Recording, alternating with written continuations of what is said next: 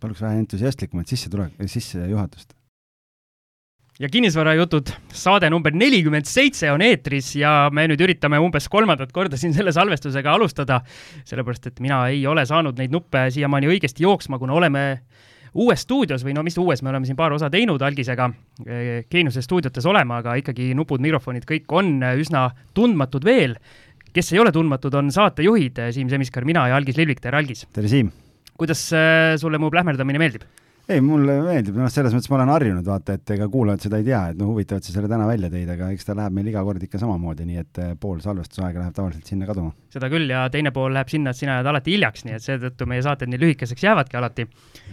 on mul õigus? on. väga hea, nii. ja siis eh, meil oli plaan täna teha üle pika aja selline kuulajate küsimustele vastamise voor taas ja palusime siis põhi, põhiliselt selliseid algajate küsimusi meile esitada, aga tuli küsimusi igast, eh, kuidas ma ütlen siis, eh, mitte igast august, aga igas plaanis, et nii algajate küsimusi kui ka selliseid edasijõudnumaid ja hakkame siin neid vaikselt lahkama, kuid selleks, et ekspertiisi oleks rohkem kui tavaliselt stuudios, siis on meil ka algise äripartner Ken Kuber kaasatud One Estate kinnisvarast, tere Ken! tere Meelia, rõõm näha! Rõõm kuulda ja rõõm näha meil ka, Ken, ja loodame siis, et me ei pea ainult algise, algise juttudega siin piirduma, et saame vähe targemaid mehi ka kuulda no mulle sobib selles mõttes, et, et siis äh, muidu siin Siimuga kahekesi jaurates on alati nii-öelda, kipub ta sinna ühte kanti minema, aga Vaita Ken, Ken tuleb siin, tema on, puutub igapäevaselt väga paljude nende üürnike teemadega kokku, nii et, et kindlasti palju praktilist. ja ma arvan, et siin alguses paneme kohe selle disclaimer'i ka eetrisse ära, et me ei ole ei äh, maksunõustajad, me ei anna äh, nii-öelda investeerimisi, informatsiooni ega mis see variant veel oli, mida me ei tee maksunõu ei anna, eks? nojah, et me räägime oma kogemustest, aga, aga ikkagi kõik finants- ja, ja investeerimisotsused tuleb nagu kaalutletult teha, et et me jah, siin nii-öelda mingit, saaks öösel rahulikult magada kõik, nii meie kui teie. just aga ma arvan, et hakkame siis otsast minema ja meil tuli küsimusi mõningaid nii Facebooki kui päris äh, suur lahmakas äh, tuli äh, erinevalt äh, informatsioonisoovi ka mulle meili peale, kus siis äh, võib-olla natukene siis äh, enda, enda nime valgusesse veel mitte tuua tahtvad investorid äh, kirjutasid, et saaks, saaks asjadega alustada. aga hakkame pihta meie siit Sandri küsimusega, et kas eraisikuna tasub mitte eluruumi osta eesmärgil see välja üürida elukohana? Võimalusel palun välja tuua plussid ja miinused ja siis äh, sulgudes on, et äh, kindlasti üheks plussiks on äh, odavam hind mitte eluruumi puhul, aga kas on veel mingeid plusse?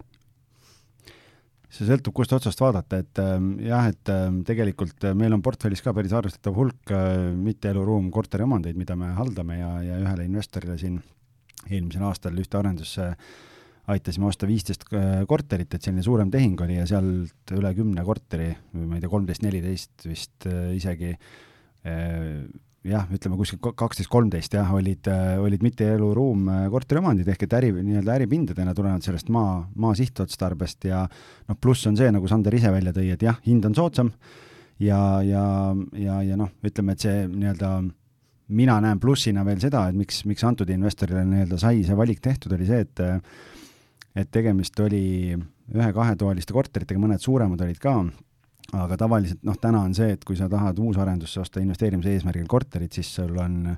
panipaik ja parkimiskoht on kaasas ka ühetoalistel, mis äh, tihtipeale ei ole nagu põhjendatud või vajalik, aga noh, ja kui sa maksad siis viisteist, kakskümmend tuhat parkimiskoha eest, siis noh, need invest-, nii-öelda tootluse numbrid ei jookse sul nagu kuidagi kokku.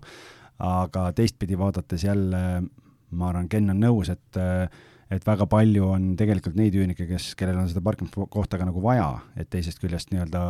teinekord võib-olla ka ei ole võimalik osta sellele mitteeluruumile kaasa parkimiskohta, sest ei jagu lihtsalt, et see võib olla ka miinus, et sõltub sellest, kust poolt seda nagu vaadata, et ma ei tea, Ken, kuidas, kuidas sina seda näed? no eks see väga suuresti Tallinnas just sõltub ju piirkonnast, et kui sa oled kesklinna üürnik, siis ega see parkimiskoht ei ole mingisugune väga määrav mm, argument sinule küll aga kui sa näiteks valid oma elukohaks Pirita, siis eh, noh, paratamatult ikkagi sellel üürnikul üks või kaks autot on ja parkimiskohtasi paratamatult ikkagi ühe-kahetoalise, kolmetoalisele korterile arendaja poolt müüakse kaasa ühekaupa, et kindlasti see nagu piirkonniti väga, väga varieerub aga mul on Meetel selline küsimus, et ma olen käinud ise vaatamas äh, päris mitmeid selliseid äh, nii-öelda soklikorruse kortereid, mis on mitte eluruumid vanemates majades, välja ehitatud need soklikorrused ja ja olen isegi algisele vist äh, mingeid variante nii-öelda saatnud, et kui palju seal üüri võiks saada ja niimoodi nagu üritanud arvutada ja algis on minu hinnangul alati ikkagi tolle piirkonna sellisest äh, minu tunnetuslikust turuhinnast äh, väiksema üürihinna öelnud, et kas see on nii, et need soklikorruse korterid lähevad odavamalt? jah, Sokkel on, seal on see teatud emotsionaalne taak on nagu kaasas, et ta natukene, natukene on äh, pimedam ja, ja, ja väga paljudele ei meeldi kuidagi see tunne, et keldrikorrusel elamine, et äh, noh, see sõltub jälle hästi palju sellest soklikorruse korterist ka et noh, ma alati olen muidugi öelnud inimestele, kes helistavad, ma olen küsinud, kas te panite tähele, et see on Sokli korruse korter, et äh, ja kui ma ütleb, et oi, ma seda ei pannud tähele, siis ma ütlen, et aga tulge vaadake ära, et koha peal tegelikult äh, noh, äh, ei saa niimoodi aru. aga seal on nende mitte eluruumidega tegelikult on see, et et millega peab arvestama, on see, et panga finantseering on erinev tavapärase korteriomandiga võrreldes, tõenäoliselt see intress võib olla kõrgem, kui sa tahad panga finantseeringut kaasata, ja teine osa on sealjuures veel see, et et kui sa ühel hetkel müüa tahad, et, et need on väga, väga, väga kipuvad ikkagi investorikesksed äh, nii-öelda tooted olema, et tavainimene võib-olla nii väga seda mitte eluruumi ei vaata või, või kuidagi kardab või pelgab, et, et, et see on nagu see pool, et kui ühel hetkel ostad, aga, aga kolme aasta pärast müüma hakkad, et siis peab sellega nagu arvestama, et müümine võib kauem aega võtta. ja sealt ilmselt tuleb ka see korteri nii-öelda ühiku soodsam hind? jah. okei okay kas see teema tundub, et on ennast ammendanud, lähme edasi Marko küsimuse juurde, et millised riskid kaasnevad korteri ostmisega majja, kus korterid, sulgudes kaheksa tükki, on kaasomandina ilma notariaalse korrata. eesmärgiks on siis Markol väljaüürimine ja hiljem võimalik müük mina hoiaks sealt pika kaarega eemale, et, et see, kui sul on kaasomand, aga sul seda kuidagi reguleeritud ei ole, siis see on üks tohutu emotsioonide virvarr ja, ja, ja seal on neid ohte päris palju, see tähendab lihtsalt seda, et äh, esiteks kaasomandi puhul me räägime seda, et kui, kui sa ostad selle korteri, siis kaasomanikel kõigil on ju kaks kuud aega. Äh, ja, ja kahe kuu jooksul nad võivad tulla ja koputada uksele ja öelda, et tead, me nüüd ostame ise selle korteri ära, ehk kui sa ostad kaasomandi endale, siis millega peab arvestama, on see, et sa kaks kuud ei ära mitte ühtegi eurot sinna sisse pane, et ähm, sest sa kunagi ei tea, milline kaasomanik võib välja, välja ilmuda, et isegi kui Siim hakkab korterit müüma sellises majas ja räägib kõikide naabritega ära ja kõik ütlevad, et ei, meil ostuhuvi ei ole, äh, siis ühel hetkel keegi võib ümber mõelda. Ja kui sa oled sinna kümme tuhat sisse pannud, siis äh, sa oled sellest kümnest tuhandest ilma, sellepärast et kaasomanik ostab selle hinnaga, millega äh, siis sina selle notaris ostsid või see Ken näiteks Siimult selle notaris ostis aga äkki on siis kaval, et kui on plaan si seal renoveerimine teha, siis niisugune korralik lammutustöö ära teha, kõik praht sinna nii-öelda keset põrandat jätta ja oodata? nojah, see võimalus on ka muidugi olemas jah, sõltub sellest korteri seisukorrast, on ju, aga aga, aga seal on teine pool on veel see, et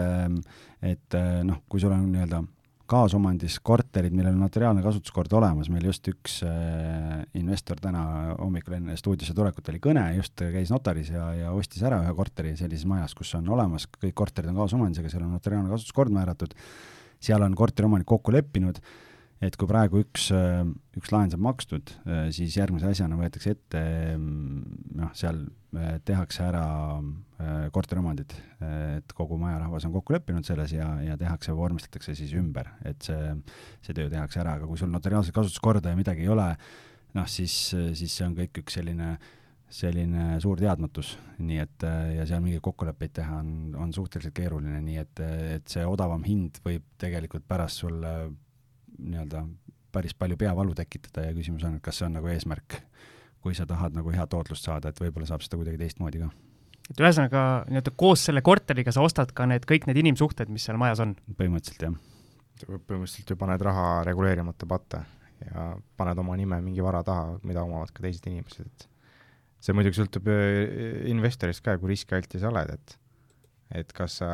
kui numbrid on nagu ähm, panevad silmad särama, et siis äh, võib-olla mingi osa enda portfellist tasub hajutada sedasi ja hea koht näiteks, kus head tootlikkust te teenida, et võib-olla tasub see mõningatel juhtudel tähelepanu jätta? Nojah, kui sa ostad sellise perspektiiviga, et ah suva, ma ostan sinna ja las ta mul olla ja, ja, ja savi ja ma ei plaani teda müüa ja mitte midagi, noh siis, siis noh, otseselt ega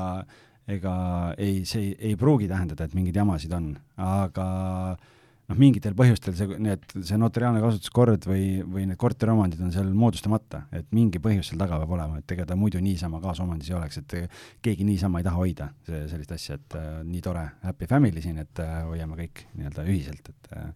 et ma arvan, et seal on ikka mingi ajalugu on taga. ühesõnaga kokkuvõtteks äh, ütlen mina selle kohta siis, et võib-olla ei ole nii-öelda algajale kindlasti kõige sobivam tehing, aga kui juba edasi jõudnud äh, investor äh, soovib nii-öelda minna ja proovida võib-olla teenida suurt tootlust, aga samas äh, võtta endale ka suured riskid, et äh, see on nagu mõttekoht jah, see on hästi kokku võetud, et see, ma pigem arvan jah, et see peaks olema ikkagi edasijõudnud investori mängumaa, et sa juba tead, mida sa teed, kuidas sa läbi räägid mingid asjad, mida sa, mida küsida, mida uurida, et, et jah, seal algajana lähed ja saad oma esimesed vitsad kätte ja siis on, pärast on hapud viinamarjad. see võiks äkki olla hoopis igavleva investori mängumaa, et kui see kümme korterit või viisteist korterit on sul juba kõik nagu toimub kellavärk, et siis äh, miks action'it mitte, ellu, miks mitte action'it ellu tuua, täpselt.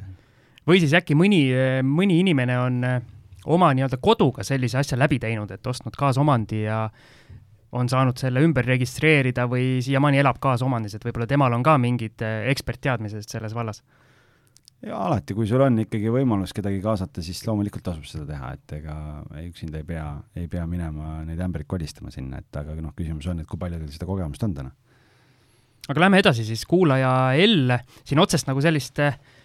küsimust, kust kinni võtta ei ole, aga on selline pikem jutt, et eh, kuulaja L tahab, või tähendab, ostis siis hiljuti eraisikuna ühe korteri, eh, mida hakkab välja rentima ja kuna tal on ka pisike ettevõte olemas, siis plaan on läbi ettevõtte hakata seda üüritegevust ellu viima. ja tema plaan on proovida aasta pärast see korter eraisikult siis ettevõttele maha müüa ja tema küsimus, et kuidas seda kõige efektiivsemalt teha. et äh, siin on veel pikk jutt edasi ka, aga võib-olla jääme korra siia, siia pidama, et äh, eraisikult eh, enda ettevõttele korteri müümine, algis? kogemus endal puudub, ehm, nii palju, kui olen lugenud, uurinud, eh, õppinud, siis ehm, tean seda lihtsalt, et, eh, et kui sa tahad seda teha, siis sa pead seda tegema turutingimustel, et kui sa üritad seal kuidagi pakasuuhat teha või, või kuidagi nende numbritega mängida, siis lihtsalt eraisikuna sul nii-öelda tulumaksukohustus tekib ja, ja, ja seal noh, päris nii-öelda vabad käed ei ole, kuidas seda teha, et liiga palju detaile ei tea, aga, aga ega niisama ei öelda, et parem üks tuttav raamatupidaja kui sada head sõpra, nii et tasub kindlasti mõne spetsialisti käest küsida või otse Maksuametisse helistada. no siin lisainfo on veel ka see, et ta ilmselt peab siis äh, veidi ka panga abi kasutama, ehk siis niipea, kui pank on mängus,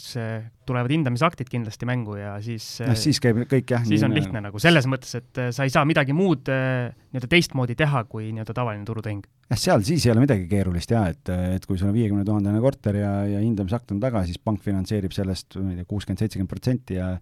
ja ülejäänud peab sul endal olema ja kõik toimub sellistel tingimustel, aga kui panka kaasatud ei ole, noh siis siis äh, võiks nagu e-,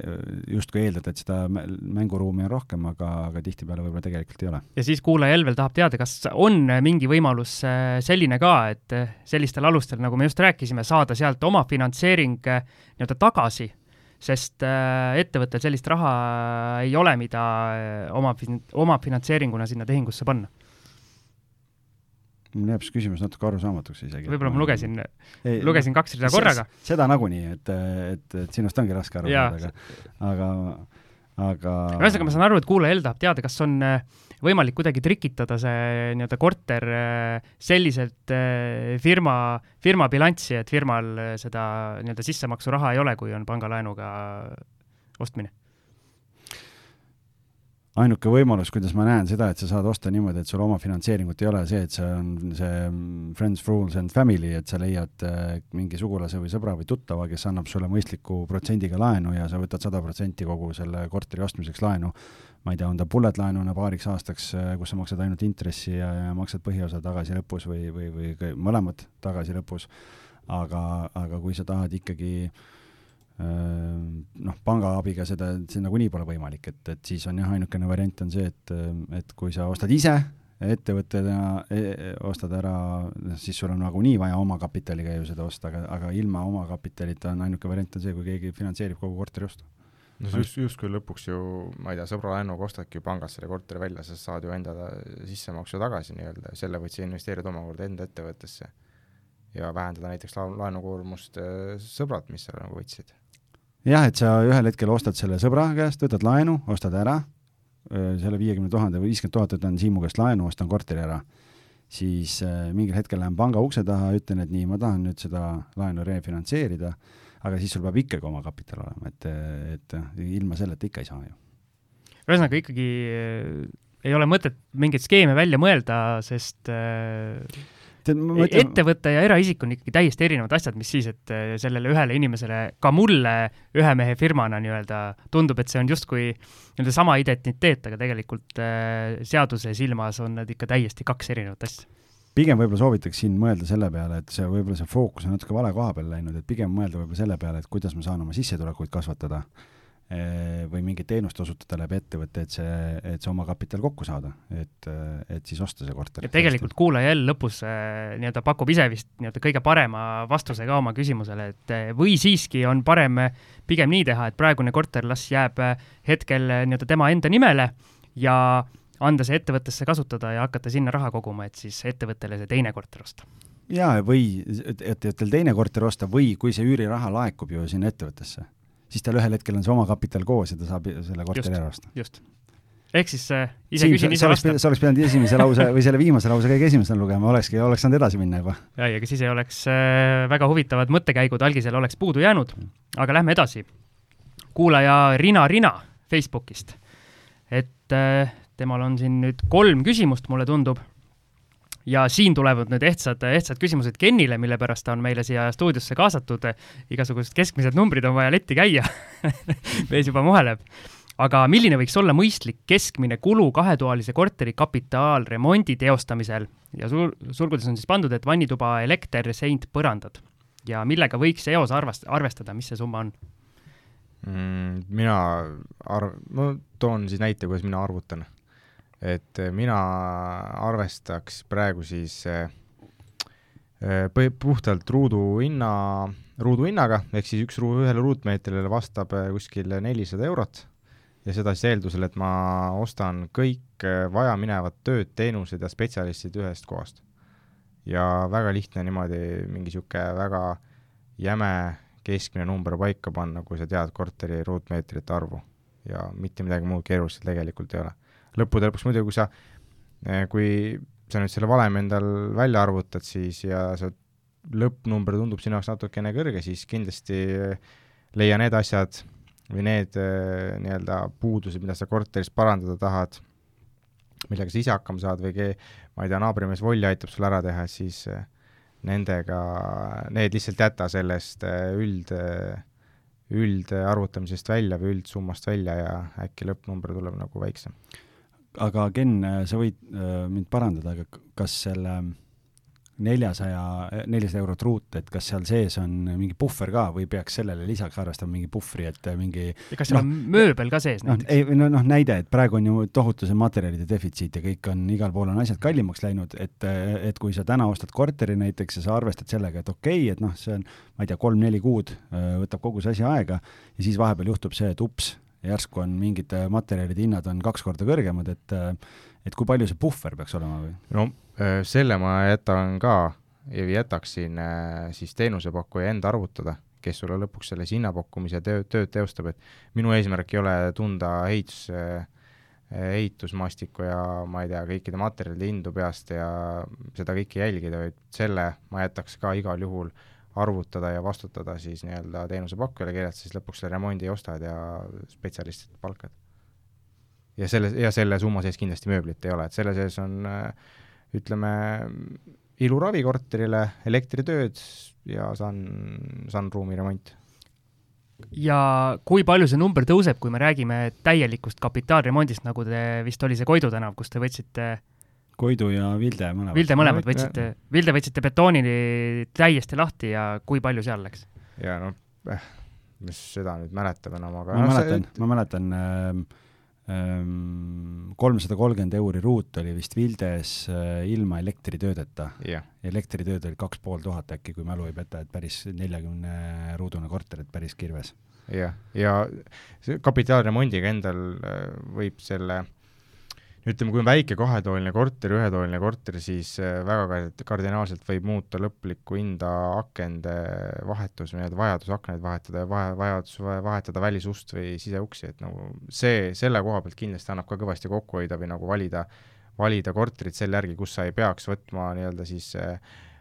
ette igasugu avasid korteris või seintes aga ma arvan, et kõik kuulajad panid tähele, et Algisel on väga hea mälu ja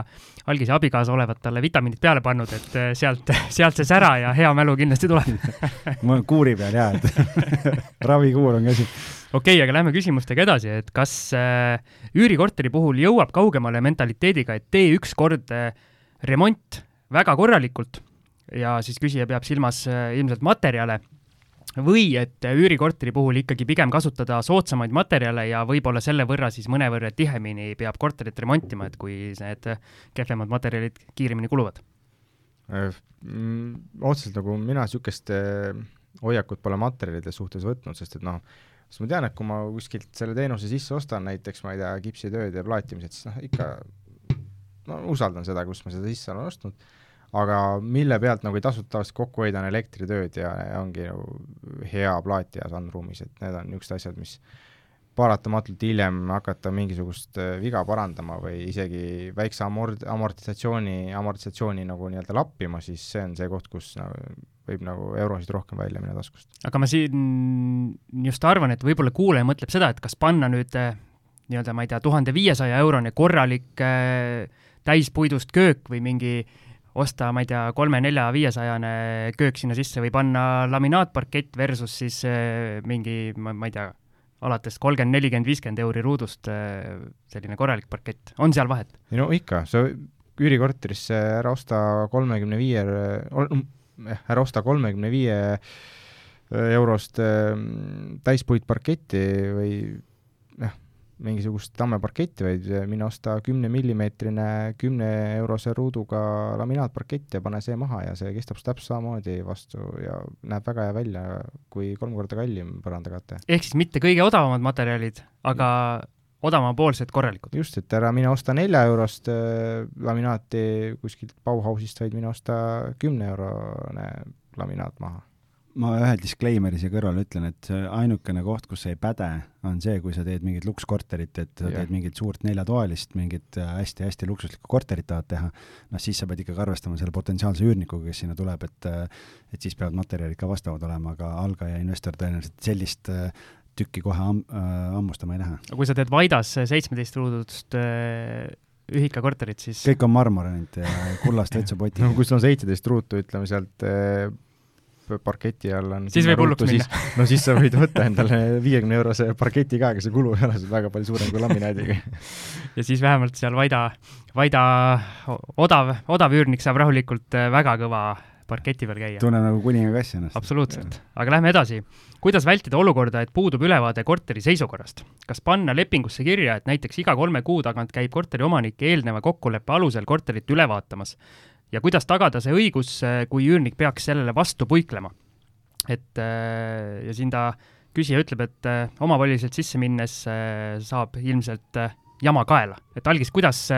kuidas sina oled need asjad lahendanud oma klientidega? ikkagi tuleb inimesena nagu lähtuda ja, ja ikkagi noh, ma ütlesin, meil hommikul oli üks koosolek siin Siimu ja Kenniga ja, ja siis ma ütlesin seal ka, et mina usun, et inimesed on ilusad ja toredad ja head. ja mina üürnikku valides ikkagi see eeltöö peab olema selline, et see inimene nii-öelda noh, et sa, et sa teed nii põhjaliku töö ära, et sa arvad, et see inimene nii-öelda kasutab seda korterit hea peremehelikult ja aga, aga noh, ma ütlen nii, et ega samas jah, siin ühes Messengeri vestluses eile liikusid pildid, kus, kus ühes üürikorteris mingi siin WC-s üks, üks kuhi ajas potist üle, nii et, et, et noh, et on igasuguseid üürnikke nagu olemas, on ju, et, et otseselt ei tohi minna, tegelikult ei tohi minna korterisse ilma üürniku äh, ette teavitamata, sellepärast et kui sa üürilepingu sõlmid, siis äh, tegelikult on see tema kodu ju sellel ajal ja, ja sa ei saa sinna siseneda päris nii oma suva järgi, et, et, et ma ei tea, üürnik on äh, duši all ja siis sa lähed ja ütled, et tervist, ma tulin, tulin nüüd vaatama, et kuidas teil siin läheb, et sa ikkagi vähemalt kakskümmend neli tundi peaks nagu ette teavitama, aga siis on küsimus jah, et mis see põhjus nagu on, et, et miks sa sinna tahad minna, et aga ma arvan, et et äh, aeg-ajalt käia mingil põhjusel, ma ei tea, kas on vaja mingit äh, sandsõlme kontrollida, mingit äh, filtreid vahetada, mis iganes, ma arvan, et äh, Ken oskab siin võib-olla paremini rääkida, sellepärast et Ken igapäevaselt tegeleb meil nende erinevate korterite haldustega ja ja seal on seda üürnikega pidevat kontakti on nagu nii või naa, et kuigi mingite korteritega seda tegevust nagu väga palju ei ole, et, et ma ei tea, Ken, oskad sina ise midagi välja tuua, et, et meil on kohe lähiminevikust tuua üks näide.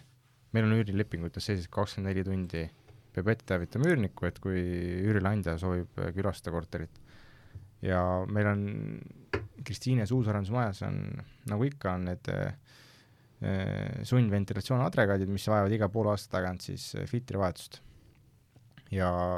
pikemat aega ühes üürikorteris elav üürnik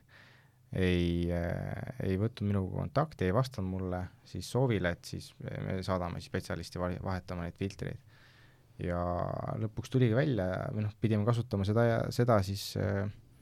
seda mm, nii-öelda punktilepingus, et me andsime kakskümmend neli tundi ette üürnikule, et me külastame korterit ja käisime, vahetasime selle filtri ära ning tuli välja noh, et üürnik polnudki nagu väga-väga kaua olnud seal kodus nii-öelda suvel, oli kuskil puhkusel ja välismaal viibinud. aga tänu sellele punktile siis me saime oma vajaliku toimingu ära teha, agregaadi uuesti ilusti tööle panna ja ma ei tea, vältisime mingisugust äh, nõmedat kulu tulevikus, mis siis võib tulla sellest, et kui sa ei, kui sa ikka oma peentes aparaatides filtrid lõpuks nii umbe lased, et läbi ei käi. noh, aga samas, kui sul on niisugune äh, Vaidas on korter, kus sul mingeid filtreid ja asju ei ole ja, ja kõike seda poolt, et äh, et äh, ma arvan, et kui seal nagu mingid väga suured probleemid on või sa kardad, et sul on mingid tohutult suured probleemid, siis ma arvan, et see korteri ostes või korteri ostmise järel on mõistlik naabritega tuttavaks saada ja, ja nii-öelda head suhted sisse lüüa ja ma arvan, et et äh, küll sulle teada antakse, kui kuskilt on tunda, et, et on mingit hirmsat lehka tulemas või, või keegi pidutseb või, või midagi nagu toimub, et äh, et ega sa päeval nagu lõpuni seda nagu kontrollida ei saa, et äh, et see on ikkagi, sa pead arvestama, et seal on teatud riskid on sisse kirjutatud sellesse, kui sa üüri, üürikinnisvaraga tegelema hakkad, nii et äh, aga enda jaoks nagu tonti pole mõtet nagu äh, välja mõelda, et niimoodi siis selliste hirmudega on suhteliselt keeruline seda äri üldse teha. no et lõpuks, et äh, kui sa tahad seda kõike nii väga kontrollida, no siis andke andeks, aga siis see koht ei ole sinu jaoks, kuhu oma raha investeerida üürikorteri näol. noh, üks variant on, äh, mida saab teha, just ühe üürikorteri andsin välja, sularaha on Eestis endiselt käibevahend ja, ja ei ole keelatud Äh, üüri võtta sularahas ka, küsi seda, kas korteriomanik siis deklareerib seda üüritulu või mitte, see on igaühe enda nii-öelda vastutada. oluline on lihtsalt see, et äh, kui ma annan üürile mõne korteri, kus omanik tahab üüri saada sularahas, siis on selle kohta on eraldi lepingu lisa, äh, kuhu läheb alati kirja, kui raha liigub, mõlemal osapoolel on paber, Siim on üürnik, Ken on üürileandja, iga kuu saavad kokku, Ken annab, Ken saab üüriraha ja siis mõlemad panevad mõlemale paberile allkirja, kus on kirjas, et, et üür on makstud, et üks ei saa väita, et pole maksnud ja teine ei saa väita, et pole kätte saanud. ja sellisel juhul on sul põhjust iga kuu selle üürnikuga kokku saada, käia korteris kohapeal näiteks, öelda, et ma tulen ja, ja võtad selle üürisumma, et kui sa nii paranoiline oled, siis võib-olla sa peaks seda varianti kasutama, aga see lepingu lisa peab olema, sellepärast kui seda ei ole, siis äh, pärast seda paksu pahandust võib olla rohkem, kui vaja on. minul on olnud üks üürnik äh nii-öelda sularahas äh, oligi vist esimene üürnik seal Valdekus, kes äh, nii-öelda lepingu lisa oli ja paber oli, aga paber oli ainult minul. ahah, see on, see on, see on hea variant, et ja kirjutasid harilikuga, eks ei, vist ikka oli pastakas, aga ikkagi selles mõttes noh, ma ei hakanud suruma ka seda teist paberi paberit ega sa ju ei taha. jah. aga noh, see lõppes nagunii nii-öelda minu jaoks halvasti, nii et vahet pole, vahet pole, kas mul oli paber või ei olnud. Noh, et selles mõttes, et ega meil on ka täna siin, ma ei tea, suurusjärk kuuskümmend korterit on halduses, et ega päeva lõpuks sa ju ei tea, mis kõigis nendes korterites toimub, et et, et lihtsalt on see, et kui sa teed investeerimiskalkulatsioone, siis tead, mingi amortisatsioonikulu peab kalkulatsioonidesse ka sisse arvestama, et et aasta kohta mingi summa et, et siis äh, ei tule üllatusena nii-öelda, kui, kui üürnik välja kolib ja nagu Siimul Vaidas oli, et on vaja tapeeti vahetada või mingeid muid asju teha, et, et see, see on, et sa oled nagu arvestanud sellega aga lähme edasi, kuulaja M esiteks kiidab meid, see on nii hea, et ma loen ette, et algis sa siis punasta vahepeal. Äh, esiteks väga hea ja kvaliteetse sisuga saadet teete, pange edasi, hüüumärk. ja lisaks on teil omavaheline vibe ja klapp mega hea, suurepärane täiendus üksteisele ja siis on sulgudes, et aga algis võiks natukene juurde panna. aa, no okei. Okay.. okei okay,, ma, et... ma selle lõpu mõtlesin ise välja, vabandust. Ei no aga ma panen ikka, selles mõttes, et sa oledki võib-olla kuidagi liiga mugavalt hakanud ennast tundma, et võtan arvesse. just, nii, ja siis äh, on kuulajal äh, ka paar küsimust konkreetse kaasuse kohta, et siin on nüüd numbrid ka, et kuigi nii-öelda raadioeetris numbrid väga hästi nii-öelda meelde ei jää ja ei kõla, aga proovime siis äh, kõik veidi kaasa töötada. ühesõnaga, tal on esimene kodu välja renditud ning rent tasub teise kodu laenu, selline olukord. ja nüüd on raha natukene tekkinud, et soovida osta siis kolmandat kinnisvara investeeringuna ettevõtte alt. ja äh, konkreetne objekt äh, hinnaga sada tuhat äh, euri, ehk siis hea ümmargune number, ja on olemas sissemakse kolmkümmend tuhat endal olemas. nii, seitsekümmend äh, tuhat eurot saab ta sõpradelt-tuttavatelt viie protsendiga laenata. Vau, jaga meiega ka. esiteks, esiteks palju õnne selle eest. nii, lähme edasi ja siis väidetavalt on ta uurinud, et pangad on hiljem valmis umbes sama protsendiga seda refinantseerima, ilmselt siis, kui, kui kogu see nii-öelda tegevus käima on lükatud aga sealt edasi ei jookse nüüd äh, meie kuulajal enam numbrid kokku, kui laen on kümneks aastaks, nagu pangad ettevõtetele väga tihti äh, need tingimused ette panevad. et temal tuleb siis laenumakse arvutuse järgi seitsesada seitsekümmend eurot, aga renditurg ütleb talle, et hetkel ta saaks sellesama korteri eest kuussada viiskümmend kuni seitsesada eurot. ehk siis äh, igal juhul miinus, miinuses rahavooga objekt oleks see ja küsimus ongi temale, et mis ta valesti teeb või mis ta valesti arvutab.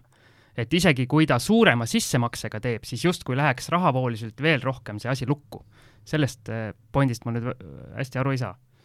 tegelikult peaks ikkagi niimoodi olema, et mida suurem on omafinantseering, seda tõenäolisemalt ju... läheb, läheb ju laenukohustus, ehk et ta peaks sinna nulli või, või plussi nagu jooksma, et aga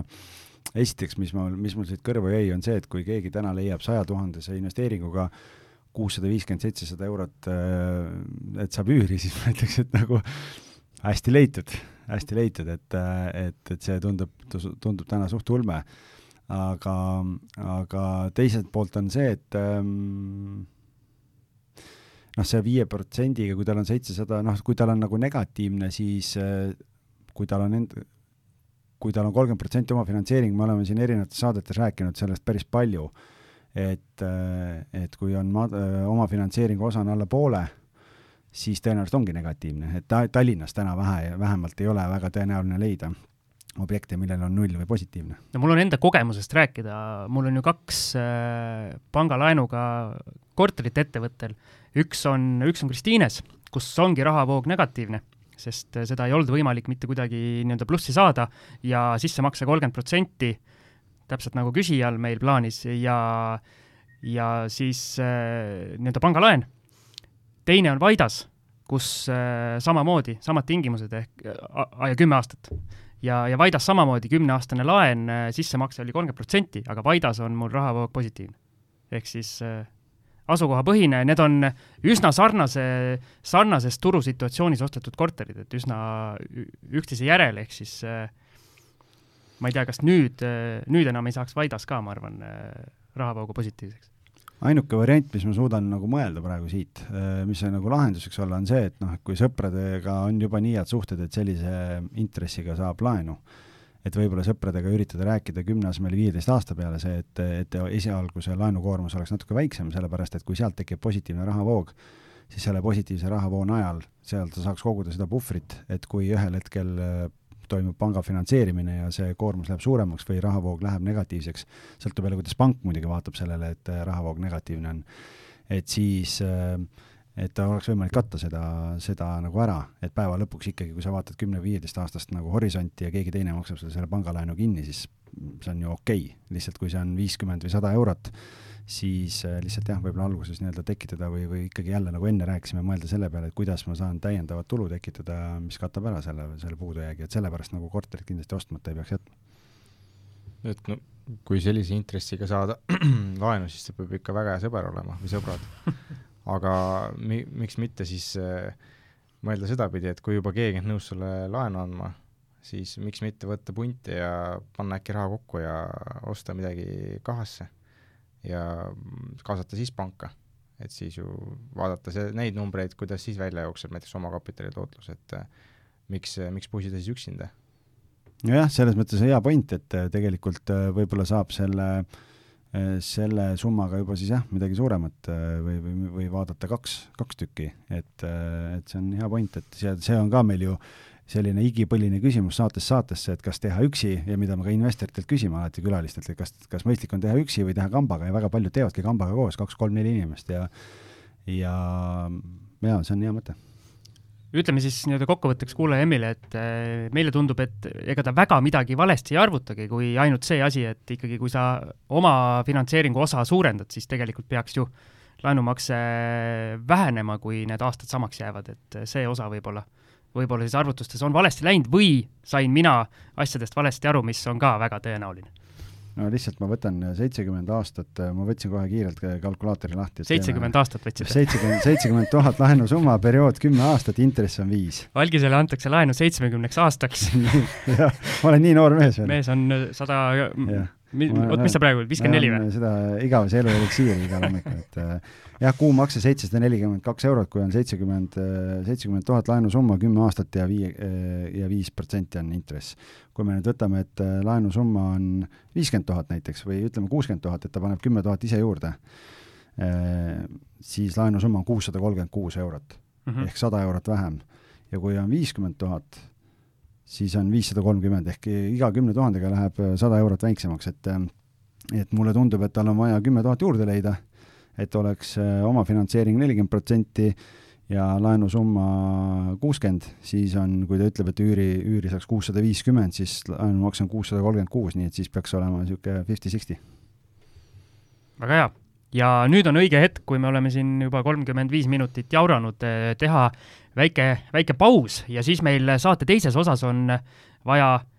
ette võtta kuulaja Joti küsimused, kes meili peale saatis koguni, koguni kaksteist küsimust ja seal on väga huvitavaid teemasid, mida me saame siin arutada, aga hetkeks väike vahekõll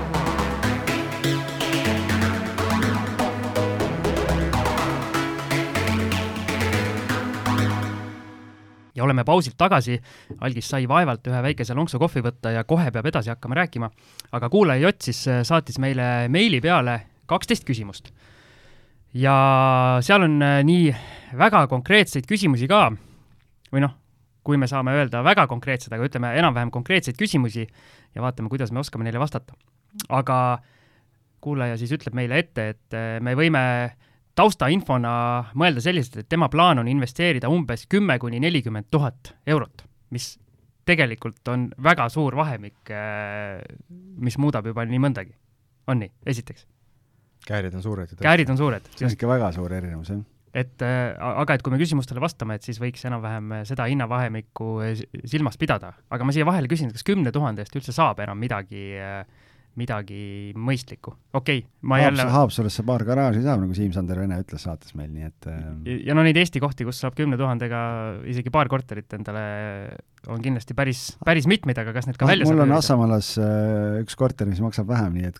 Kalevipoja tee või? Ei ole, aadress on teine, aga, aga jah, et äh, sealt seda Vene küngast näeb ka, kus Kalevipoja hobune kunagi surma sai, nii et ahah, ekskursioon Eesti kuna Siimul on Assamaale nii hingelähedane, siis ma teen selle ekskursiooni sellel hetkel. jah, pärast eelmist saadet ma isegi guugeldasin, kus see asub. no vot. nii, aga esimene küsimus siis, et milline on hetkeseis eh, meie kinnisvaraturul, et kas on okei okay aeg osta endale korterit ja arvatavasti ka laenu võtta, eesmärgiga see välja üürida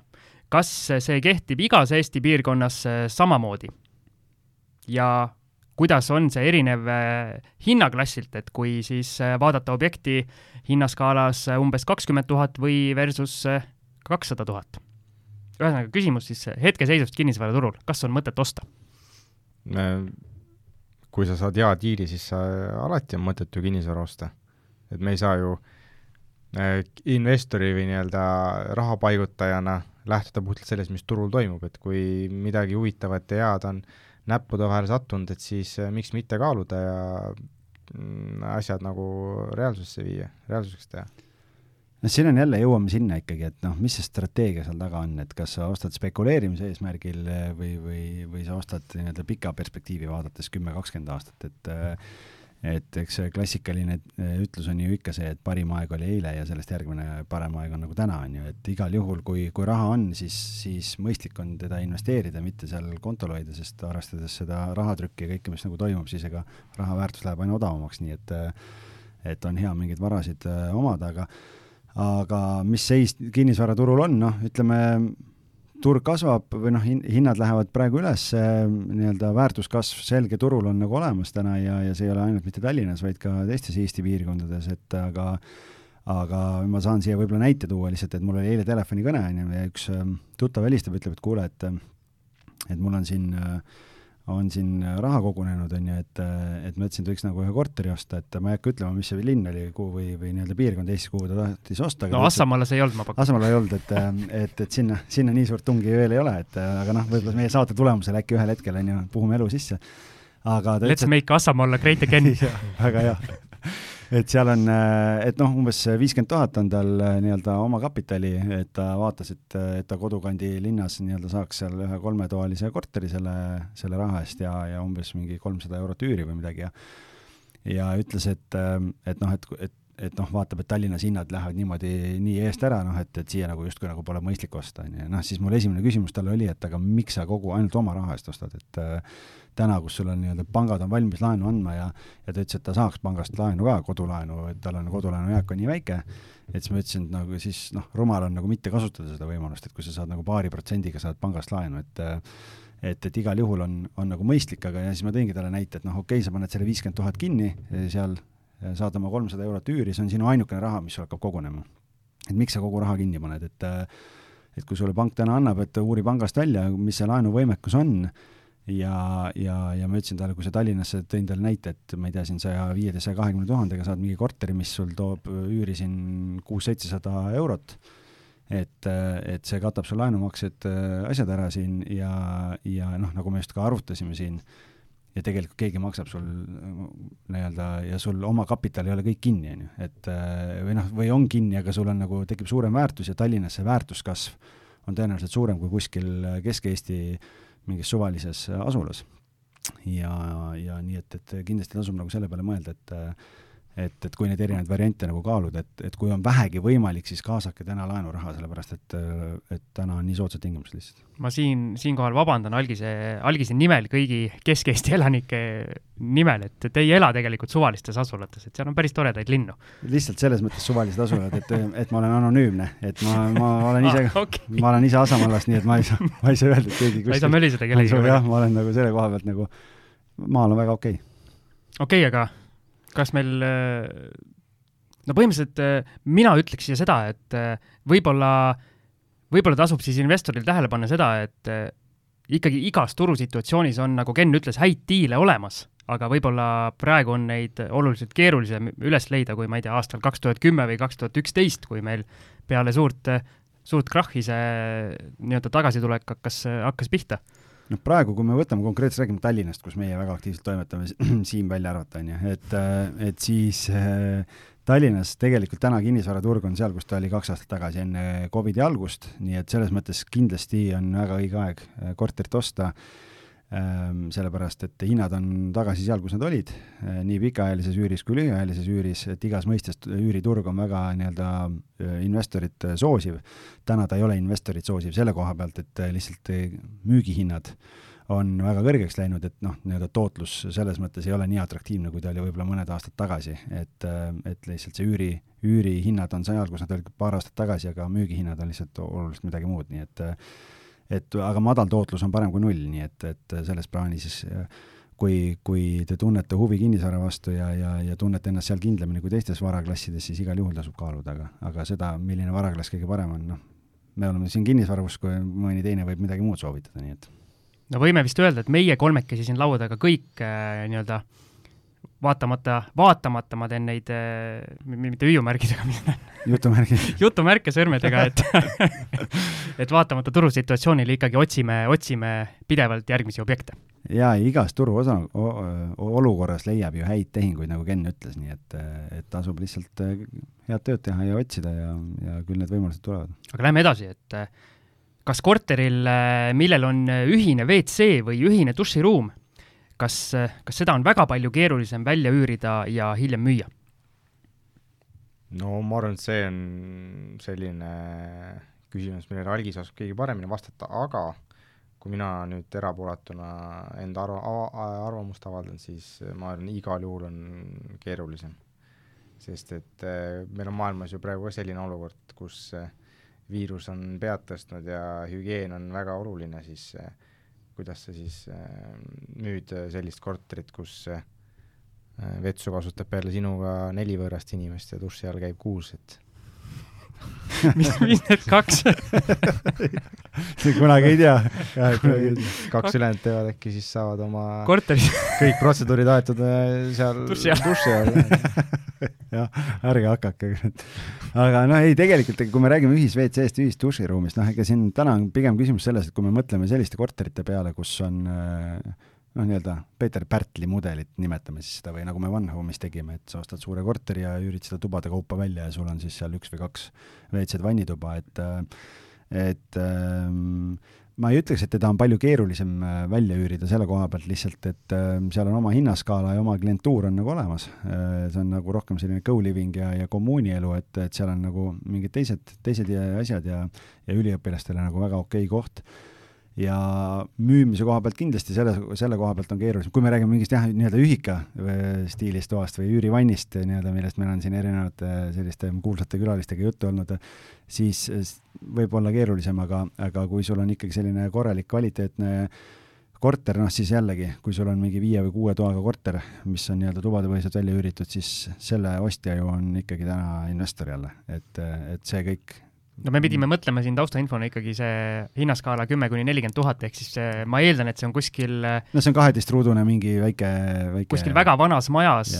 kus ongi nii-öelda ühine WC veel siiamaani see on, see on jah, teine,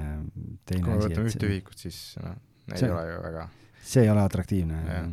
no ma puhtalt isiklikust seisukohast ütlen, mina neid kuulutusi äh, absoluutselt ei vaata ja sama siin, et ikkagi see oma, oma WC ja kööginurga olemasolu on ikkagi nagu selliste nii-öelda mikrokorterite puhul nagu must have asi. sest võib-olla seal üheksakümnendate alguses, kui me sealt IKEA-lt vabanesime, siis inimesed äh, olid nõus elama päris askeetlikes tingimustes, aga tänapäeval ikkagi noh, nagu Algis ütles, et sa, sa pead ikka hinnaga väga eristuma, kui sa, kui sa tahad üürnikku saada noh, keskmisest seisukorrast korterisse, kus sa pead veel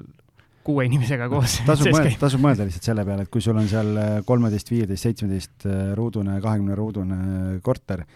ähm, et kui sul on täna köök ja vannituba on olemas ja, ja korralik remont on tehtud ja sa saad üüri sõltuvalt asukohast kakssada viiskümmend kuni kolmsada viiskümmend eurot, et noh, kui palju sa siis saad selle korteri eest, millel seda äh, pesemise võimalust ei ole ja sa pead teistega jagama ja ja, ja sa ei tea seda teiste, teiste hügieeni ja, ja kombeid, on ju, ja siis, siis see nagu ei saa väga atraktiivne number olla seal. aga ma laiendan seda küsimust, Algis, sulle korra, et äh, on selliseid äh, nii-öelda samalaadseid korterid, kus on tehtud see pesemisvõimalus ja WC toodud äh, sinna korteri sisse ja näiteks dušikabiin on näiteks köögipliidi kõrval et äh, kuidas sellised asjad äh, hakkavad mõjutama? selles mõttes on see kindlasti väga selline leidlik lahendus, et vaata, kui hea on, et äh, vähemalt on see, et paned teed samal ajal süüa. paned, paned kartulid praadima ja samal ajal duši alt vahepeal segad, et kärssam ei lähe, et nagu noh, selles mõttes, et üle läheb. jah, et nagu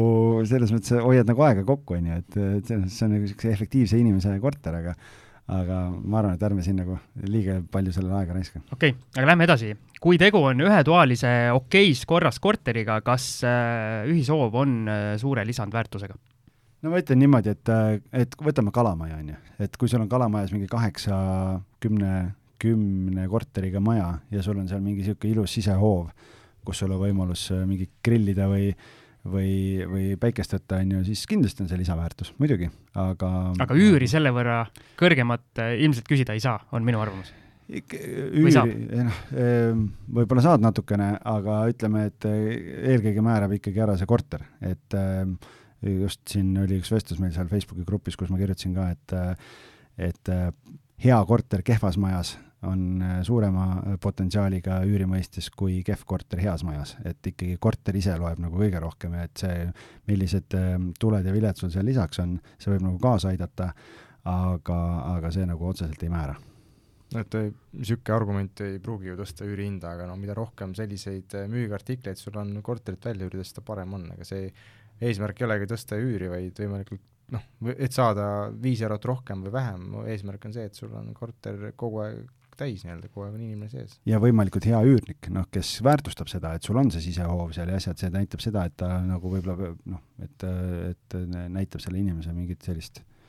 iseloomu või, või, või mingeid selliseid väärtusi, mida ta nagu hindab, et mul on tunne neid küsimusi ka nii-öelda olles edasi lugenud natukene, siis, siis kuulaja, kuulaja Jott peaks ootama, kuni mul Vaida korter valmis saab, siis täpselt kõik, kõik temale sobivad asjad on seal olemas ja saad talle meili peale lingi saata. jaa, võib mulle kosse tulla. ostab ära kohe selle, jah. nii,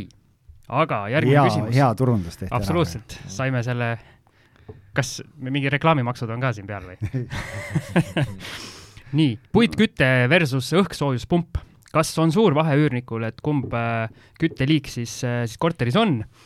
kas see on koht, kus võiks äh, osta puitküt-, puitküttega korteri ja peale ostu lasta paigaldada õhksoojuspump? ehk siis, kui on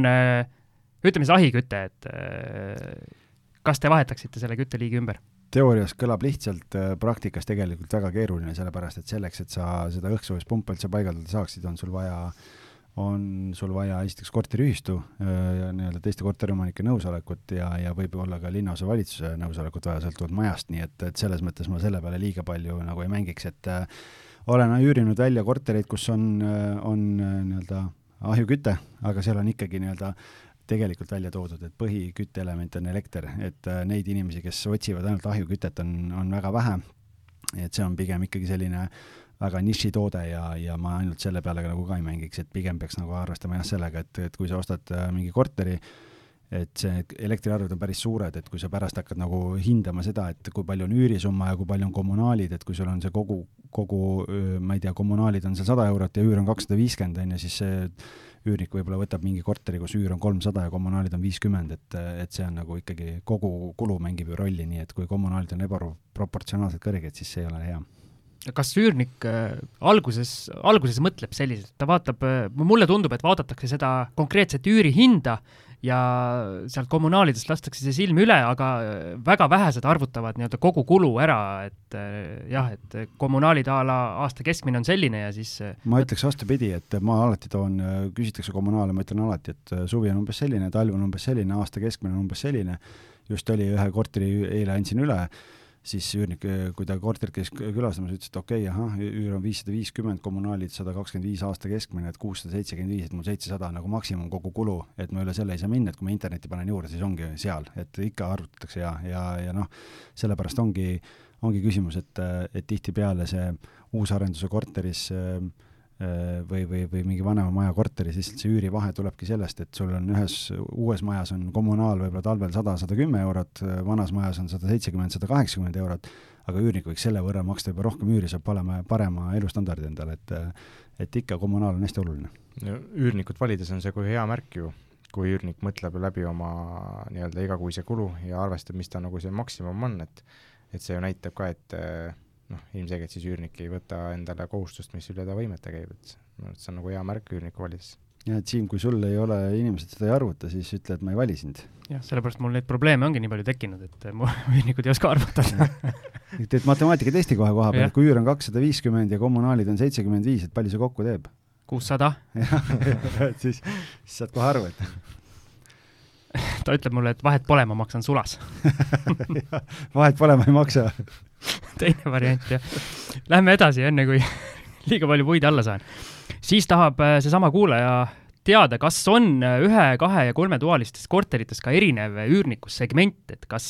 ta siis ise pakub välja, et ühetoalistes on alati pigem tudengid ja pensionärid, kahetoalistes noorpaar või üksinda elav inimene, kolmetoalistes pigem juba pere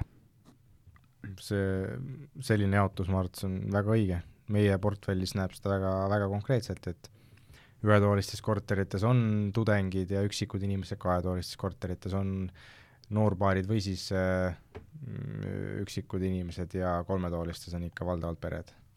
kuigi nüüd selle Covidi ajaga, mis natukene muutus, on see, et äh, inimestel on kodus äh, töötamise võimalust vaja ja, ja tihtipeale otsitakse ka võib-olla natukene suuremat üürikorterit endale kui varem. just selle, hästi palju oli näha seda,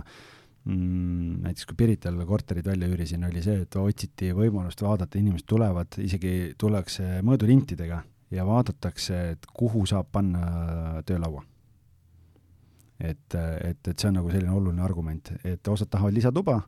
ja osad vaatavad, et elutuba siis oleks piisavalt suur või et oleks mingi nurgakene, kuhu saab tekitada selle kodukontori nurga endale, et, et see võib-olla on natukene muutunud. ja, ja kui me räägime, et mitmetoalist oleks täna mõistlik soetada siin on, et oletame, et hinna poolest on kõik mingil määral kättesaadav, siis me enam ei räägi vist kümne kuni neljakümnest tuhandest, et kolme, kolmetoaliste puhul, ma ütlen nii, et täna on tohutu nõudlus ja defitsiit on kolmetoaliste korteritega Tallinnas vähemalt. et, et aetakse tikutulega taga ja ei ole väga nagu võtta, eriti just, mis on nii-öelda kallima otsa kolmetoalised. kas see on nagu üürihinda selles segmendis nagu üles ka lükanud? jaa, täna ikkagi kolmetoaliste puhul juba niisuguses väga korralikes korterites niisugused kuuekümne, seitsmekümne ruudused kolmetoalised lähevad niisugune tuhat ükssada, tuhat kakssada, tuhat kolmsada eurot. nii et meie ühe ühe varasema saate külaline Kadri Mäsak saab rõõmustada. jaa, Kadri, ma arvan, on või sees praegu, kuigi noh, kui tal on pikaajalised üürnikud sees ja muutusi pole olnud, on ju, siis, siis võib-olla on lihtsalt see üüri, üürilevel natuke madalam, kui ta täna võib-olla saaks nagu olla, et, et Kadri, kui sa kuulad, siis väike mõttetera sulle. viimane aeg lepinguid muuta ja viia sisse punkt, et eh, iga kolme kuu tagant võib üüri, üüri tõsta. Seda ei saa teha, see seadus ei luba seda. tähtajatu lepinguga saab teha korra aastas head mõtted. Äh, lähme edasi. nii, kumb oleks mõttekam, kas osta enda lähedusse korter eeldusel, et see on kallimas piirkonnas, ehk siis kakskümmend kuni nelikümmend tuhat maksaks, või siis äh kuskil teises linnas kuni sada kakskümmend kilomeetrit, väga konkreetsed numbrid on küsijal kõik ette antud ja seal see hinnaskaala oleks kümme kuni kolmkümmend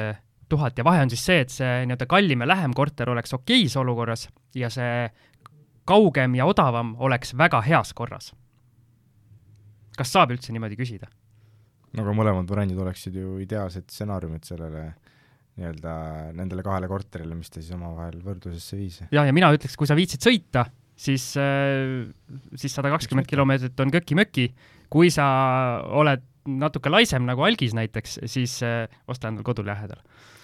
ja ma ütlen niimoodi veel, et äh, ma tuletan meelde meie eelmist saadet, kus me rääkisime sellest, et reedel peale kella kümmet üürnik andis märku, et tal on elekter ära läinud ja ülejäänud majas on.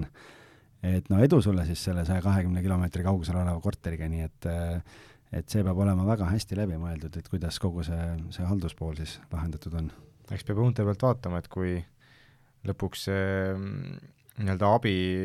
abi sisseostmine väga kulukaks läheb, et siis no ilmselt äh, ma kujutan ette, need on nii odavama, odava otsa korterid, et seal see no me küll eelmine kord rääkisime sellest haldusteenusest ja nii-öelda ühe korteriga on võimalik, võimalik ka see ikkagi nii-öelda numbrid klappima saada, aga aga kindlasti raskem kui äh, nii-öelda kallimate korterite puhul. Sest äh, seal tuleb juba ju mingi miinus, või tähendab, miinimumsumma ka mängu, alla mille nii-öelda haldurid üldse jutule ei võta ja siin on veel siis äh, sellesama küsimuse juures väga konkreetselt küsitud ka, et kummale sellisele korterile oleks äh, mõttekas laen peale võtta, aga seal kindlasti peab vaatama, kus nii-öelda pangad üldse on nõus laenama, võib-olla sinna saja, saja kahekümne kilomeetri kaugusele mõni pank ei taha üldse, üldse sind jutule võttagi, aga need on juba, ma arvan, liiga konkreetsed asjad, mida siis investor peab ise oma peas läbi mõtlema.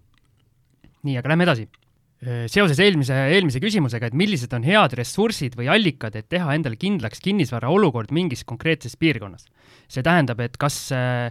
konkreetses linnas või asulas leidub üldse nii-öelda üürnikke või kas on aktiivne üüri, üüriturg, kas sinna tuleb pigem inimesi juurde, läheb minema ja kas see koht siis areneb või mitte ja ma siis lisan, et kas seal on ka nii-öelda töökohti, et see koht üldse saaks areneda. kus on need ressursid, kus investor saaks minna vaatama?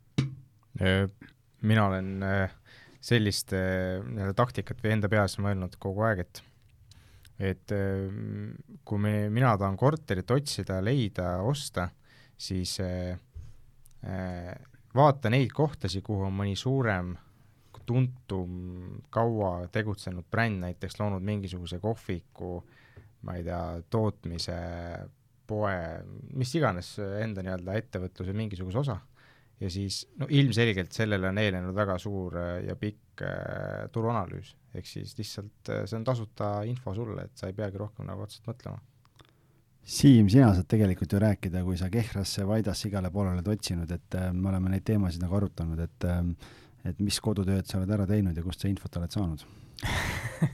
no esiteks selle Kehra puhul äh, ma ei vasta su küsimusele otse, aga noh, nii-öelda Kehra kohta ma väga suurt kodutööd rohkem ei teinud, kui ma teadsin, et seal on see suur paberivabrik, mis põhimõtteliselt seda linna no ma ei tea, kas nüüd üleval hoiab, aga suuresti selle pealt see töötab ja ja huvitav oli see, et kui mul see korter müügis oli ja mul oli notari aeg juba paika pandud, siis seesama paberivabrik tahtis mul seda korterit ära osta enda töölistele. nii et äh, selliseid asju võib ka juhtuda, mul oli küll siis nagu selleks ajaks diil juba lukus, aga siis ma helistasin neile veel tagasi ja küsisin, et kas teil või tähendab, kui tihti teil see huvi tuleb, et te tahate nii-öelda mingit korterit osta, et võib-olla ma siis võtan Kehras järgmise objekti nii-öelda nagu spetsiaalselt teengi teile. aga siis nad ütlesid, et neil jah, pigem nagu on nagu vajaduspõhine, et kui mõni nii-öelda spetsialist tuleb kuskilt, siis nad ostavad talle sinna linna korteri, et see ei ole nii suur, nii suur kulu nende jaoks, kui vastupidi, see hea töötaja on nende jaoks nii-öelda kasu siis? mul on üks hea, hea nipp on see, et kui sa võtad noh, on see Kehra või Vaida või, või mis iganes koht see on, et kui seal erinevad maaklerid müüvad kortereid, siis helista neile maakleritele ja, ja ütle, et sa soovid osta või kaalud selle korteri ostmist investeerimise eesmärgil ja, ja noh, et aga et sul täna natukene vähe infot, et kuidas seal üüriturg on, et kas neil on infot ja ja kui sa kahe-kolme maakleriga räägid, ma arvan, et sa saad nagu adekvaatse pildi ette, mis see olukord seal on, et äh, ühe maakleriga ei tasu piirduda võib-olla sellepärast, tema jutt võib olla kuidagi kallutatud, aga, aga kui ta ei ole professionaalne, et äh, võib sulle mingit äh, mesijuttu rääkida, aga kui sa ikkagi mitme inimese käest kuuled ühte ja sama juttu, siis, siis sealt saad omad järeldused teha ja Vaida puhul tegelikult Ken siin enne salvestust mulle nii-öelda mõnes mõttes äh, soovis õnne ja küsis ka, et ju IKEA teeb oma suurt, suurt, suurt poodi sinna Tallinna ringtee äärde, sinna Jüri külje alla, et Vaida ei ole sealt kaugel ja siis Ken küsis mult ka, et kas, kas ma olen juba selle, selle pilguga mõelnud, et äh, kõik asjad buumima seal hakkavad. viimane aeg praegune üürileping üles öelda ja ja, jääd ootama siis äh, invasiooni Eestisse IKEA töötajate näol.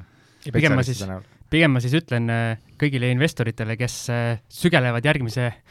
objekti ostmise peale, et mul Vaidas saab varsti üks väike, täpselt niisugune investori korter saab valmis, et äh, võtke ühendust jaa, tegelikult noh, tasub mõelda, et okei okay,, sellest on hästi palju räägitud, et see Rail Baltic, et tuleb või ei tule, tuleb või ei tule, aga noh, tegelikult äh, on äh,, oleme seda varem ka rääkinud, et see raudtee lähedus ja kõik asjad, et äh, et hommikul siin omal koosolekul rääkisime ka sellest, et noh, väidetavalt, kui näiteks Rail Baltic valmis saab, on nagu Pärnust Tallinnasse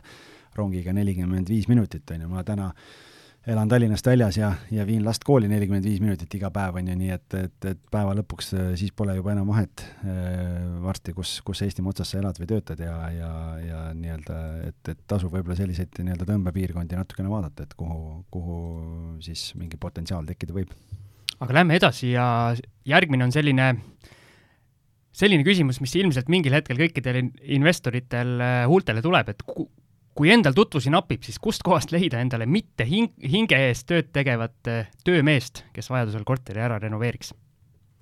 igal juhul äh, Facebook tuleb appi siinkohal. Facebookis on piisavalt palju igasugu gruppe ja töövõtu neid portaale nii-öelda, kuhu siis oma soov kirja panna ja no küll sealt noh, kindlasti leiab. aga see on ikkagi riski business, et sa ju no ta on niikuinii riski business, kui sa juba kuskilt sa pead ju oma tutvused looma ja kuskilt sa pead ju alustama, et et äh, riskid sa ju enamaga, kui sa kuskile ei pöördu. mina no. olen, äh, mina olen oma praeguse töömehe leidnud, ma vist rääkisin eelmises, eelmises saates või millalgi eelmistes saadetes selle loo ära, et tuli, panin nii-öelda mööbli tasuta seal Vaidas äh, Facebooki marketplace'i ja tuli üks, üks töömees ühte voodit ära viima ja ütles, et või no tegi mulle kohe seal hinnapakkumise koha peal ära ja läks tööks tegelikult jah, see riskist rääkides, ega me, me oleme ju samamoodi tegelikult erinevaid koostööpartnereid nagu katsetanud ja, ja Facebookist otsinud ja nii edasi ja mingil hetkel, kui oli siin äh, suuremad mingid sisustusprojektid, asjad olid käsid, oli vaja mööblit kokku panna ja nii edasi, ma arvan, Ken võiks eraldi saate teha sellest rääkida, kui, kui osavaid mööbli paigaldajaid äh, turult saada on, et äh, aga sealt sa saadki aru, et kes on need, kellega sa saad ka edaspidi koostööd teha ja kes on need, kellest tuleb nagu pika kaarega mööda käia, et ega ega eks seal ongi, ongi nii-öelda kogemus õpetab vahel sa võidad ja vahel sa õpid. aga lähme edasi, järgmine küsimus on äh, põhimõtteliselt selline, mida me saate esimeses osas äh, juba puudutasime, et mis hetkel on mõttekas investeerida eraisiku alt ja alates mis hetkest ettevõtte alt, et kui lihtne on eraisiku valduses olevat kinnisvara hiljem kirjutada ettevõtte nimele ja vastupidi. ei ole see lihtne, sest kirjutada sa kuskile nimele midagi ei saa, et äh, need tehingud päris nii lihtsalt ei käi, aga üldiselt siis ma võin öelda, mismoodi mina sellele küsimusele vastaks või mida mina olen teinud, on niimoodi, et kui sul on võimalik võtta ikkagi nii-öelda veel kodulaen investeerimiseks või jah, siis kodulaen, et soetada endale, endale korteri investeerimiseks, siis kasuta see võimalus ära, sest neid on piiratud arv, arv võimalusi. kui seda ei ole, siis äh, tasub mõelda minu meelest kohe ettevõtte alt tegutsemisele, aga leida siis äh, nagu äh, Algis on erinevates saadetes korduvalt öelnud, tasub leida ettevõttele mingid, äh, mingid rahad, nagu rahavood veel, et mingi sissetulek ettevõttel oleks veel et siis panga silmis ennast nii-öelda heas, heas kirjas näidata, et oleks võimalus ka pangast finantseeringut saada. nii, lähme edasi. ma ei oska jah siia midagi lisada. algis jäi täiesti vait. sinust võib isegi asja saada kohe. ma ei usu seda, aga lähme edasi. ehk oskate jagada mõningaid nippe, kuidas hinda enda kasuks alla tingida? No see on on meil nipimehi siin või ei ole? see on selline huvitav teema, et äh, et eks selle, eks sellega, see sõltub hästi palju ju sellest, millist kinnisvara sa vaatama lähed ja, ja seda seisukorda, et ma arvan, et sellises nii-öelda kui me räägime nii-öelda sellist flipi korterist, kus on nii-öelda, kui me ikka käime neid peldikuid vaatamas, siis, siis seal on seda emotsionaalset läbirääkimise ruumi rohkem kui mingis sellises korteris, kus on, mis on väga heas seisukorras, et äh, loomulikult, eks äh, erinevaid mingeid argumente on äh,, alates, äh, alates seal mingist üüritootlusest kuni, kuni selleni võib-olla välja, et, äh, et äh, lihtsalt ütledki, et pole rohkem raha, aga, aga noh, meil on eraldi tehtud, ma praegu ei mäleta, aga me oleme ühe saate tegelikult teinud sellest ka, et kuidas, kuidas käia, vaadata korterid ja seda hinda, hinda kaubelda ja see oli, ma ei tea, kas neljas või viies saade, nii et otsige välja, vaadake esimesed kümme saadet üle, seal on, on see kuskil olemas ja pärast seda tegelikult mul on üks kogemus sellesama Kehra korteriga, kus ma sain turuhinnast ikkagi eh, põhimõtteliselt kolmandiku alla või no selles mitte turuhinnast, vaid müügihinnast eh, sain sisuliselt kolmandiku alla, aga seal võttis nii palju aega, kuna ma kohe alguses esitasin oma, oma pakkumise ära ja kuna ühtegi müügi- või ostuhuvilist ei olnud müüjal, sest see korter oli lihtsalt nii halvas seisukorras ja see nii-öelda presentatsioon, mis ta seal tegi, oli allpool igasugust arvestust, et no põhimõtteliselt sa ostsid endale koopa ja siis äh, läks aega kõigepealt kuu aega, siis ta tuli hinnas äh, nagu poolele teele mulle vastu, aga kuna ma ikkagi, ikkagi nõus ei olnud, sest äh, ma ei tahtnud Kehrasse Kehrasse tegelikult osta, ma lihtsalt moe pärast tegin selle pakkumise alguses. ja siis ta lõpuks tuli nii-öelda täistee vastu ja siis sain selle korteri kätte üks oluline asi, millest me oleme rääkinud ja mis on võib-olla oluline välja tuua, on lihtsalt see, et, et kui sa nagu investeerimiskorterit ostad, noh, Ken on värskelt kodu ostnud ja, ja ja kui keegi ostab kodu, siis see on vajaduspõhine ja seal võib-olla sa tihtipeale nii-öelda lähtud nagu teistest aspektidest ja ikka üritad hinnas rääkida, aga sa võib-olla oled nagu paindlikum, aga kui sa nagu investeerimisobjekti, noh, me oleme rääkinud sellest, et raha tehakse ostes. Ja, ja, ja kui sa nagu endale head diili välja ei räägi, siis liialt armuda ei maksa ühtegi korterisse, Siimul alguses olid kogu aeg silmad märjad, kui kui äh, mingitest korteritest ilma jäi, on ju, aga, aga kui sa kui sa leiad mingi korteri ja, ja sa vaatad, et numbrid kokku ei jookse, noh, sa, ja sa pead sinna selle pakkumise tegema ja noh, kui seda pakkumist ei aktsepteerita, noh, siis lihtsalt otsid edasi, noh, et nii kaua otsid, kuni sa leiad sellise korteri, kus, kus sa saad endale selle sobiva tehingu ja kui sa ei leia, siis sa peadki nii lihtsalt otsima ja otsima ja otsima ja ootama seda võimalust, lihtsalt pakkumisi tegemata ei, ei pea sellepärast nagu jätma, et aga aga noh, see on jälle, sõltub ka jälle nagu turust, noh, Tallinnas täna turg on kuum ja, ja, ja nii-öelda äh, kipuvad asjad kiiresti ära minema ja sealt ja tihtipeale võib-olla inimesed ei julgegi enam minna neid pakkumisi tegema, sellepärast nad teavad, et noh, lihtsalt, et äh, muidu, muidu jään nagu ilma, aga, aga teistpidi on nagu see, et äh, et lihtsalt sellepärast osta, et oh, sai enne ostetud midagi, ei ole ka nagu mõtet. ja mina olen ka teinud tegelikult kümneid ja kümneid pakkumisi, mis on nii-öelda tagasi lükatud ja ja neid peab tegema, sest no, muidu mul, ei saa mulle, seda mulle tuleb neid kogu aeg ju. jah, ja, ja ja üks asi, mida mina ütlen, sa pead ikkagi seda nii-öelda turgu selles mõttes tunnetama ka, et näiteks kui sa lähed korterit vaatama ja sa saad aru, et see on juba sellise hinnaga müügil ja sa, sul nii-öelda müüja ütleb ka, et jah, et mul on täna juba kuus inimest käinud ja tuleb kaheksa veel, siis sa tead, et kui sa seal hakkad hinnaga läbi rääkima, siis noh, sulle isegi ei vastata sellele nii-öelda pakkumisele, et see, ma siin just rääkisime Sokli korruse korteritest, siis äh, mingi aeg tagasi suvel käisin ühte korterit vaatamas äh,, sain ka müüja käest info, et äh, ma olen vist kuues või seitsmes inimene ja mõned pidid veel tulema või ma ei mäleta, mis järjekord see oli, aga igatahes ja äh, helistasin vist algisele sama päev ütlesin, et see korter läheb õhtul, on bronnis ja siis äh, hommikul vaatasin, oligi broneering peal ja et no sa pead tunnetama. see oli üks meie grupi, äh, Facebooki gruppi kuuluvatest äh, kuulajatest. just, pärast tuli jah välja, et kaks nädalat hiljem nägin sedasama korterit juba Facebookis üürile panduna meie ühe kuulaja poolt. nii et kinnisvarajuttude podcasti kuulajad on aktiivsed investorid. seda on rõõm, rõõm tõdeda, aga lähme edasi. on meil veel aega või? no meil natuke, siin äh, natuke on. järgmised asjad äh, siin pressivad peale, aga kust leida kõik vajalikud dokumendid ja lepingupõhjad, et üürnik endale sisse võtta uhuhuu. ja sulgudes on, kindlasti võiks olla midagi kirjas, et vältida ka puuküürnikke. ma eeldan siis, et lepingus võiks midagi kirjas olla, aga siin vist äh, saame kohe alustada tagantpoolt otsast, et äh, puuküürnikke otseselt ühegi lepingupunktiga sa ära hoida ei saa, on mul õigus? et puuküürnike vastu vaktsiini ei ole. jah, et äh, aga ütleme nii, et kust leida kõik äh, vajalikud dokumendid, lepingupõhjad, äh, äh, doktor Google aitab, aga, aga tegelikult veel rohkem soovitan, et kinnisvarajuttude Facebooki grupis tegelikult on neid samu küsimusi küsitud ja seal on jagatud linke kust leida üürilepingu põhja ja, ja kõiki erinevaid selliseid asju, kust teha taustakontrolli, milliseid kohti kasutada, nii et, et kõik need teemad leiab üles ja meie podcast ides on ka varem sellest juttu olnud. ja tegelikult siin, siinkohal on hea, hea koht algisele puid alla panna, sest algis on lubanud meie Patreoni toetajatele tegelikult, me oleme rääkinud sellest, äh, panna kokku mingi sellise väikese dokumendipõhjade nii-öelda kollektsiooni, et äh, meie toetajad äh, patreon.com kaldkriips kinnisvarajutud saaksid niisugused põhilised asjad sealt kätte, Algis muidugi teeb niisugust nägu no,, ta ei tea midagi no,. ma ei tea sellest midagi jah, et aga noh, hea, kui sa oled välja lubanud, vaata, et ja, nagu ja, et nüüd, tore, tore, et mulle ka ütlesid, aitäh. nüüd siis vähemalt Algis saab, saab tööle hakata. Kas kinnisvarasse investeerimisel on mõistlik panustada hinnakasvule mitme aasta vältes? see tähendab, et ostan täna ja plaanin viie kuni kümne aasta pärast maha müüa eeldusel, et selles asukohas hinnad kasvavad mm sellise eesmärgiga kinnisvara osta ju kindlasti tasuks ja see peakski üks eesmärke olema kinnisvarasse investeerides. et noh, paratamatult äh, kõik läheb kallimaks ja ja kui kinnisvara kallimaks ei lähe või sinu nii-öelda kinnisvara väärtus tõuse, siis äh, noh, mis investeering see siis selline oli küll?